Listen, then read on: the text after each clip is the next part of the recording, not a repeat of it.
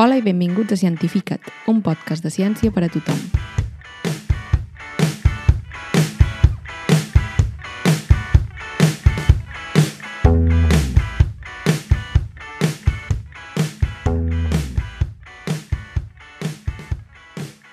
Doncs avui amb el Bernat i el Guillem parlarem de, de la nova variant del SARS-CoV-2 que porta ja des de fa més d'un parell de mesos entre nosaltres i que ens ha capgirat una mica, ha, fet, ha canviat una mica les normes de, del joc. No? Eh, avui parlarem una mica també d'unes algunes preguntes que ens heu fet eh, via Twitter i intentarem resoldre eh, doncs allò que sapiguem eh, sobre la variant Omicron. Omicron, of course, having specific um, partial immune escape means that um, the, we can't just sit back and see a stable rate of transmission. It causes epidemics and causes a very rapid increase in circulation of the virus. And so we can't call that an endemic state of disease. And, and that's where we really need to um, hold back on um, behaving as if it's endemic before it's actually the virus itself is behaving as if it's endemic.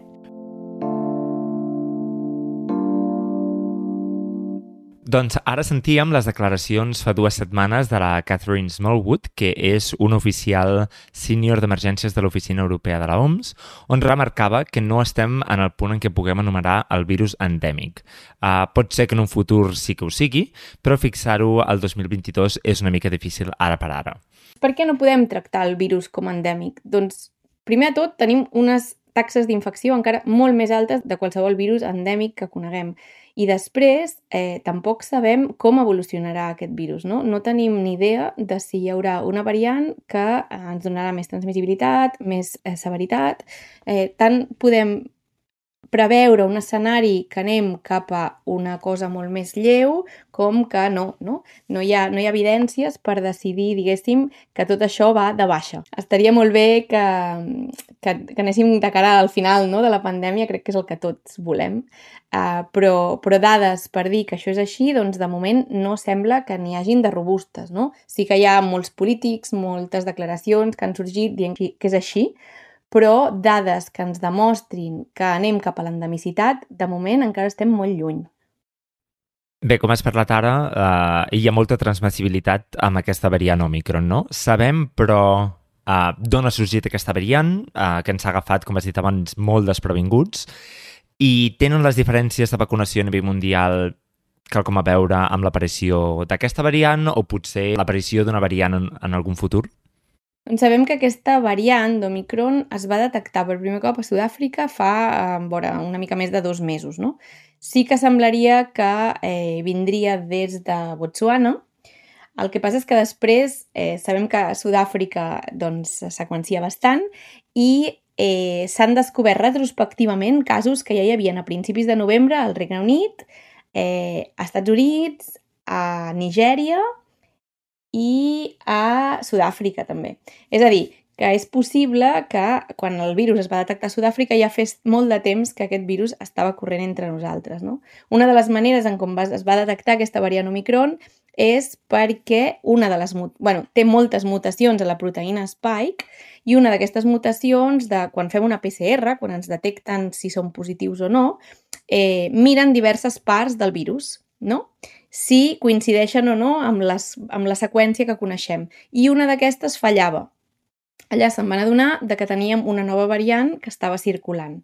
És per això que ara també es parla no, de, la, de la Omicron silenciosa, que potser en parlem més tard, però, eh, però en aquest cas no tindria aquesta mutació que fa que es vegi amb la PCR. No? Però bé, aquest virus, l'Omicron, que és, és el SARS-CoV-2, però té, podem parlar que té més de 50 mutacions comparades amb el virus inicial que es va trobar a Wuhan. I més de 30 d'aquestes mutacions són la proteïna Spike, que és contra la que, contra la que tenim aquesta immunitat prèvia feta per la vacuna. Això què vol dir? Això què vol dir que la majoria d'anticossos que nosaltres hem fet amb la vacuna o que hagi fet algú que ha estat infectat amb una variant anterior, eh, els ha fet la majoria d'anticossos que fem que ens serveixen més per protegir-nos de, la, de la infecció són aquests que anomenem neutralitzants, els que atacarien aquesta eh, spike. Però al haver canviat tantíssim aquest spike, ja s'ha vist que tota aquesta resposta d'anticossos no ens serveix de massa contra Omicron i és per això que moltes persones vacunades doncs estan infectant. De fet, sabem que hi ha una, una breakthrough infection, que és, que és el que anomenem de eh, infeccions en persones que ja han tingut immunitat prèvia, ja sigui per vacuna o per infecció, que és de 10 vegades més que el que s'havia vist amb Delta. Però anem a parlar dels orígens, Bernat. Eh, què, què, què en sabem? No, no, crec que no en sabem, no, no sabem si, si ho podrem saber mai, no? Però quines són les opcions que, que tenim sobre la taula? Doncs tenim tres teories, no?, que intenten explicar una mica com ha aparegut aquesta variant. Doncs quan va sorgir la variant Omicron, eh, sabem eh, per temes de seqüenciació que hi han tres subvariants. La subvariant BA1, que és la que no? coneixem fins ara, la BA2, que seria aquesta més sigilosa i silenciosa que just ara s'està parlant més. No podem veure tant amb la PCR. Exacte. Exacte. I, I una altra, que seria la BA3. Aquesta variant Omicron es va seqüenciar a Sud-àfrica, no? I segurament venia d'un altre país amb menys seqüenciació. Però ara per ara encara s'està estudiant l'evolució d'aquesta variant i això ens ajudaria a entendre um, com emergeixen aquestes variants que més se salten una immunitat que, que ja tindríem, tant immunitat natural com amb la vacuna. Uh, el que sí que sabem, però, és que el seu ancestre més proper data de més de fa un any, no? Així que sembla que ha sigut un procés que porta bastant de temps ja uh, fent-se, no? I, I sabem que hi ha tres teories que intenten explicar aquesta com divergència, no? El fet de que vingui d'un ancestre bastant llunyà. Aleshores, Esther, si vols uh, explicar una d'aquestes teories. Sí, doncs hi ha tres teories de moment. La primera seria que no s'han seqüenciat les variants intermèdies, així tot simplement. Eh, això què vol dir? Que pot ser que eh, la variant Omicron eh, hagi sorgit en un país en el que no se seqüencia i, per tant, no s'hagi seqüenciat tots aquests processos intermedis i per això ens n'anem a tan lluny, no? a un any, en el seu ancestre més proper. Aquesta és una de les eh, teories no? que ve recolzada, com deia el Bernat, perquè hi ha, eh, diguéssim que la, la variant Omicron apareix com a tres subvariants bastant alhora, no? I llavors semblaria, doncs, que eh, aquest, eh, el, el virus s'ha di diversificat abans que ens en poguéssim adonar i això afavoriria una mica, no?, el fet que, que hagi passat doncs, en un país com podria ser Botswana o algun país del voltant en el que no s'hagi tingut un control de l'epidèmia. Com deia el Bernat, és molt important entendre com emergeixen aquestes variants que se salten ja una mica aquesta immunitat que tenim, no? perquè és el que ens impedeix una mica passar aquesta endemicitat. Després hi ha una altra teoria, que és la que es va prioritzar en un primer moment, que és que aquesta eh, variant s'ha desenvolupat dins d'una persona que ha tingut una infecció de llarga durada, no? que podria ser una persona immunodeficient. Per exemple, sabem amb la variant alfa ja la teoria més acceptada és que va, es va sorgir dins d'una persona que va tenir el virus durant 5 mesos. No? Què passa quan tenim el virus durant tant de temps en el nostre cos? No? Doncs nosaltres juguem una mica, eh, hi, ha un, hi ha un article de Nature que, que ho explica molt bé, no? juguem una mica al joc del gat i la rata amb el sistema immune. És a dir, nosaltres anem fent una resposta però que no és del tot eficient, el virus l'aconsegueix saltar perquè com que no és del tot eficient eh, li és més fàcil saltar-se-la, no? fa algunes mutacions, però continua dins del mateix hoste. I aquest hoste torna a fer una mica de resposta i així anem jugant, no? el gat i la rata, fins que el virus acumula tantes mutacions que és capaç de saltar-se a aquella, a aquella immunitat que ja havíem creat. No? Això tant pot passar perquè haguem estat infectats amb una variant, eh, amb, amb una variant prèvia, o pot ser també que sigui una persona que hagi estat vacunada. Què passa per això? Passa que eh, quan nosaltres tenim la vacuna serem capaços de resoldre la infecció d'una manera més curta. No? I encara que sigui una persona immunodeficient, eh, doncs és probable que la vacuna l'ajudi en part, tot i que hagi fet una resposta menor a la vacuna. No? Eh, si la persona té una infecció natural, seria el mateix procés. És a dir, tant amb una immunitat prèvia de vacuna, una immunitat prèvia d'infecció, o fins i tot una persona que simplement té aquesta infecció durant tant de temps, eh, podria ser que hagués sorgit aquest virus amb tantíssimes mutacions i que pot saltar-se la nostra, la nostra eh, primera barrera d'immunitat adaptativa, no? I això perquè, perquè també s'entengui, no? Um, quan parlem de que hagi sorgit aquesta variant és perquè um, el virus es queda dins d'aquella persona, no? Segueix multiplicant-se i infectant més cèl·lules, no? i Exacte, muta, no? tenim, ja, tenim tota aquesta pressió evolutiva, no? I si la pressió evolutiva és potent però no és prou com per acabar amb el virus, el virus és capaç d'això que deia, no? D'anar jugant el gat i la rata i d'anar doncs, cada vegada millorant les seves tècniques per continuar al cos i després infectaria una altra persona, no? I s'escampa. I aquí tindríem com aquesta, no? I això seria una mica el que va passar, se sap una mica, no?, amb la variant alfa, en què una persona va estar 5 mesos infectada, no? I aquí el virus té una capacitat de mutar que no és la que ens passaria a unes persones sanes, no?, en la que aquest virus va mutant, però potser no acumularia aquelles mutacions tan claus com per poder-se saltar la immunitat, perquè la nostra immunitat ja eh, tallaria aquesta cadena, diguéssim, de mutacions.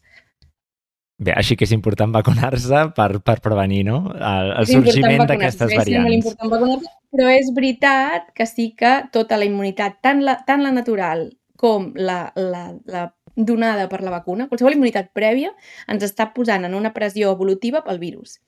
Això passaria sense vacunes? També. Passaria de manera molt més lenta, també. Hem de tenir en compte que aquí, com ja hem parlat algunes vegades, aquesta epidèmia té una part bona i una part dolenta, que és en la globalització, no? Estem anant molt més ràpid eh, en, en la, la transmissibilitat del virus, en com es passa d'un país a l'altre, però sí que és veritat que segurament això tallarà bastant substancialment el temps de pandèmia comparat amb altres pandèmies que s'hagin eh, tingut prèviament a la humanitat. Val, ja acabem, doncs, amb, la, amb el tercer origen, no? Um, el puc introduir una mica jo, uh, que seria... Um, tant, ves, ves.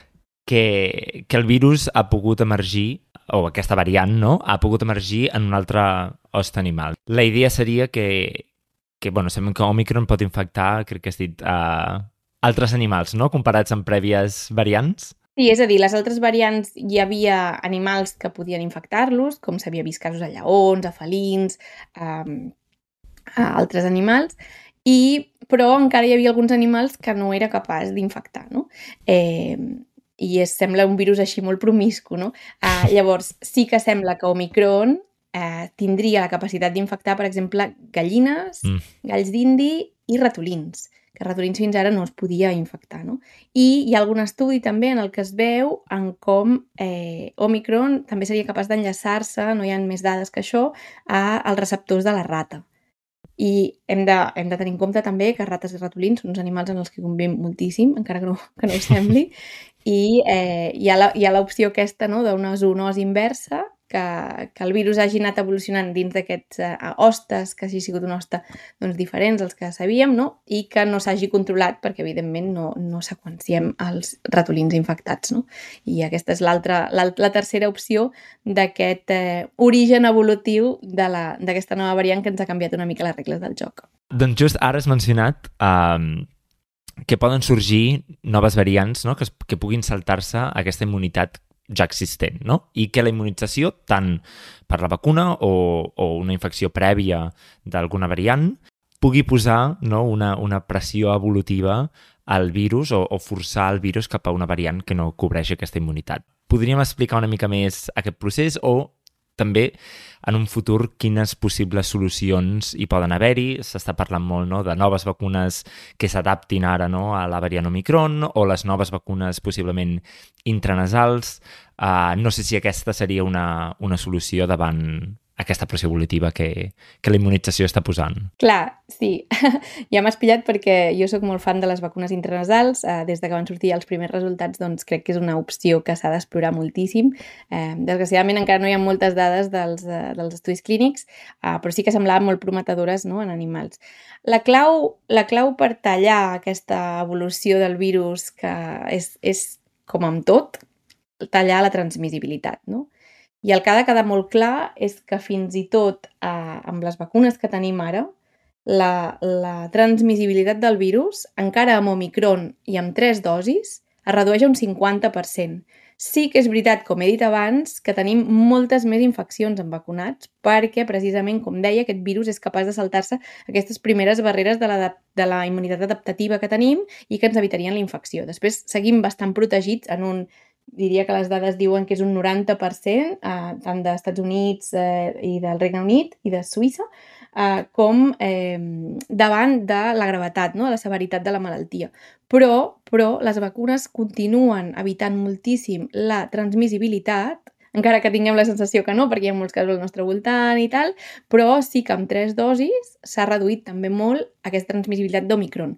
Aleshores, la clau serà trobar la manera de reduir la transmissibilitat, això passa doncs, per seguir eh, investigant en vacunes, a veure si aquestes vacunes intranasals que ens proporcionin aquesta immunitat de mucosa ens poden evitar una mica l'entrada del virus, si més no, eh, evitar-la i evitar que el transmetem, és a dir, tallar-la tallar -la, tallar la cadena de transmissibilitat a qualsevol punt, no? tant quan ens entra o com quan ens ha de sortir, diguéssim. I després eh, necessitaríem eh, seguir amb les mesures no? de distància, mascaretes i rentar-nos les mans i d'anar en compte d'evitar ser uns transmissors potencials d'aquest virus perquè segueixi mutant i segueixi eh, eh, donant-nos doncs, problemes eh, com aquests, no? I després, doncs, si veiem que hi ha, doncs, eh, les vacunes siguessin adaptades a les noves variants, no? això podria doncs, millorar moltíssim l'eficàcia. Eh, com deia, les vacunes internacionals per mi és com un punt clau i que serà un punt d'inflexió en quan això tinguem ja les primeres dades, però eh, la part sí que hem de ser una mica crítics i amb les dades d'Israel estem veient que una quarta vacuna, per exemple, no sembla que ens dongui gaire benefici. Aleshores hem de trobar unes noves vies per, eh, per apretar una mica més aquesta transmissibilitat que serà realment el que no deixarà ni que el virus evolucioni.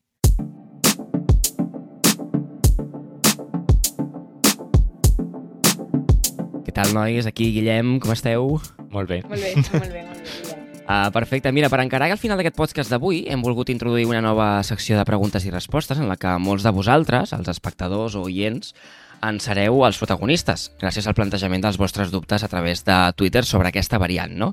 Um, Esther, Bernat, uh, per, per recapitular una miqueta i fer un breu resum, algú ens pregunta quines diferències hi ha entre Omicron i Delta que fan que et puguis contagiar d'una havent estat malalt de l'altra? D'acord, doncs eh, si et sembla, Bernat, contestaré aquesta pregunta.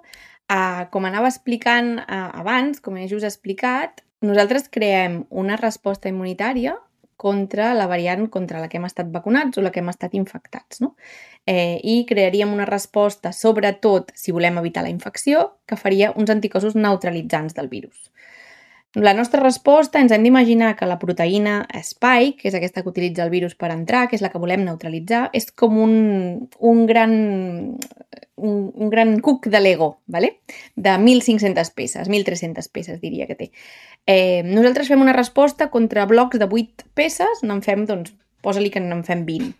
Si aquelles peces han canviat a la següent variant, nosaltres ja no som capaços d'identificar-la i no som capaços de neutralitzar-la. És a dir, que aquella immunitat que nosaltres havíem creat és una mica menys efectiva en neutralitzar aquell virus. Sí que com que fem eh, resposta a diferents parts d'aquesta serp de l'ego, eh, no fallen totes. És a dir, tenim, seguim tenint una, una resposta que és bona, però no potser no ens evita la infecció. No? I el que deia abans, de, que comparat amb Delta, per exemple, Omicron tenim 10 vegades més d'infeccions en persones que tenen immunitat prèvia. Um, què passa, però? Que quan nosaltres ens posem una altra dosi de la vacuna, nosaltres en aquestes zones de la, de la SERP de l'ego serem capaços d'identificar-ne més. Si som capaços d'identificar-ne més, les poques que canvin eh, no ens afectaran tant. No? I per això són importants aquestes tres dosis que sí que sembla, com he dit abans, que redueixen uh, la transmissibilitat del virus. Entenc que això uh, pot fer també que uh, desenvolupem una tipologia o una altra de símptomes en funció d'aquesta reinfecció o d'haver agafat una variant o una altra. És a dir, que algú potser té un, breu constipat, però d'altres persones tenen un altre tipus de símptoma. Això té a veure, més o menys, amb, aquest, amb això que explicaves ara també? Això jo no sé com correlaciona amb el tipus d'immunitat que nosaltres haguem generat o no, perquè sabem, per exemple, que com nosaltres som capaços d'identificar totes aquestes parts que et deia del, de la serp de l'ego, això sí que veiem una, una gran afectació en la neutralització del virus, és a dir, en, la, en, en com ens infectem, però després no sembla que afecti tant en la nostra resposta protectora de les cèl·lules T, que són les que s'encarreguen de que no tinguem una, una severitat tan gran. Sí que jo els símptomes, com a viròloga, crec que hem de fixar-nos en altres proteïnes també del virus, que no només aquesta, que seria la que ens infecta. No?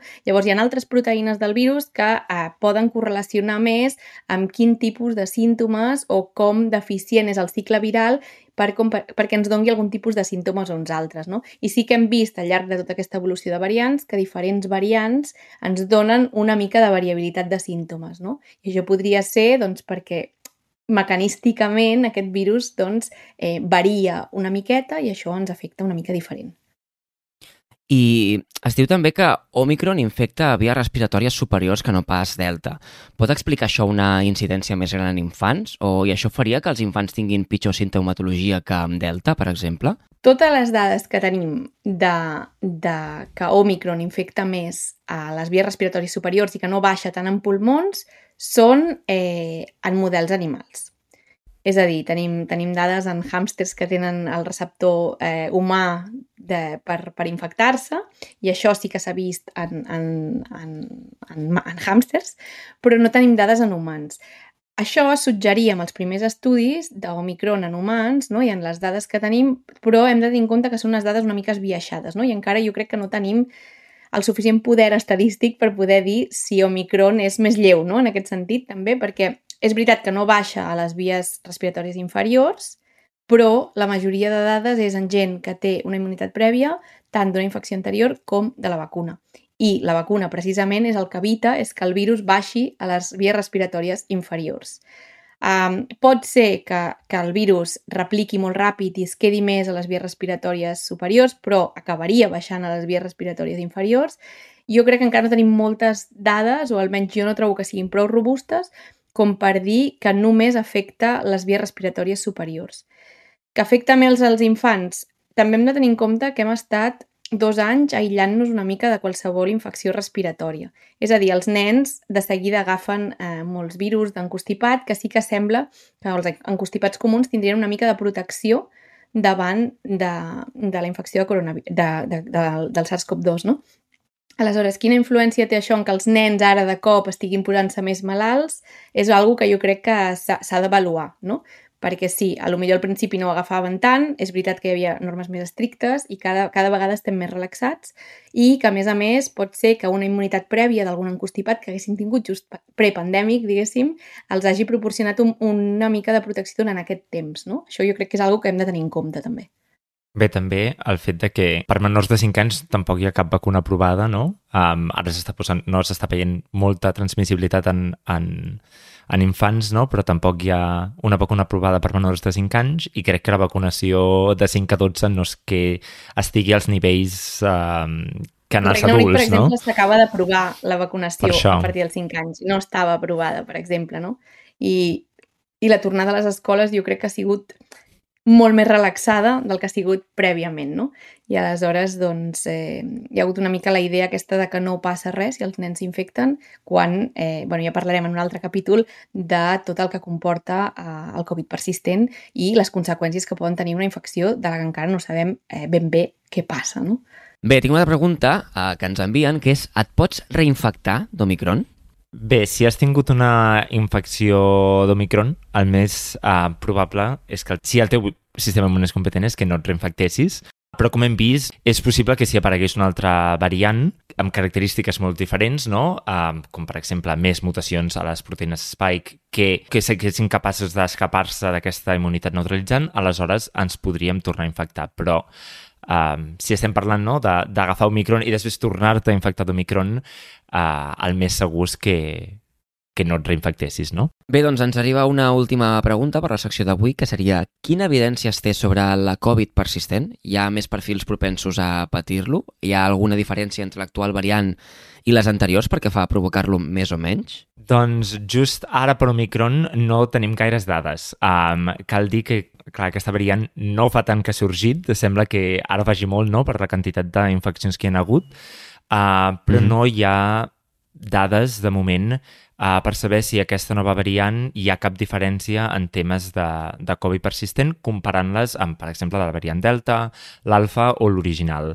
Uh, tot i així ens dedicarem al proper podcast a, al Covid persistent Uh, aleshores, uh, si algú té cap pregunta, uh, si us plau, uh, feu-nos-la arribar, uh, però um, us presentarem no, amb tota l'evidència i, i el que sabem fins ara de la Covid persistent, uh, tant en adults com també en, en infants. Parlarem també de si hi ha aquests perfils més propensos a patir-los, quins són els símptomes més habituals i què és el que s'està veient fins i tot en persones no, que han patit la malaltia de manera lleu i que són joves, que, que és algo que queda bastant amagat. Sembla que, que els joves doncs, patim la malaltia d'una manera molt lleu, eh, però eh, és veritat que alguns de nosaltres doncs, portem algunes conseqüències i quines són, què és el més comú i què en sabem fins ara. I això us explicarem al proper programa Eh, així que, com ha dit el Bernat, molt contents de resoldre qualsevol dubte que ens vulgueu escriure. Perfecte, nois, doncs fins aquí el Q&A d'avui. Jo estaré pendent a que els podcasts on fem aquesta secció de totes les preguntes que ens van enviant els nostres oients i els nostres seguidors, per tant, estigueu atents i envieu-nos les vostres preguntes, ja sigui a través de Twitter o també de les, qualsevol tipus de contacte que us puguem facilitar a través de les nostres xarxes socials. O sigui que us esperem aquí i, i res, qualsevol cosa, aquí estem.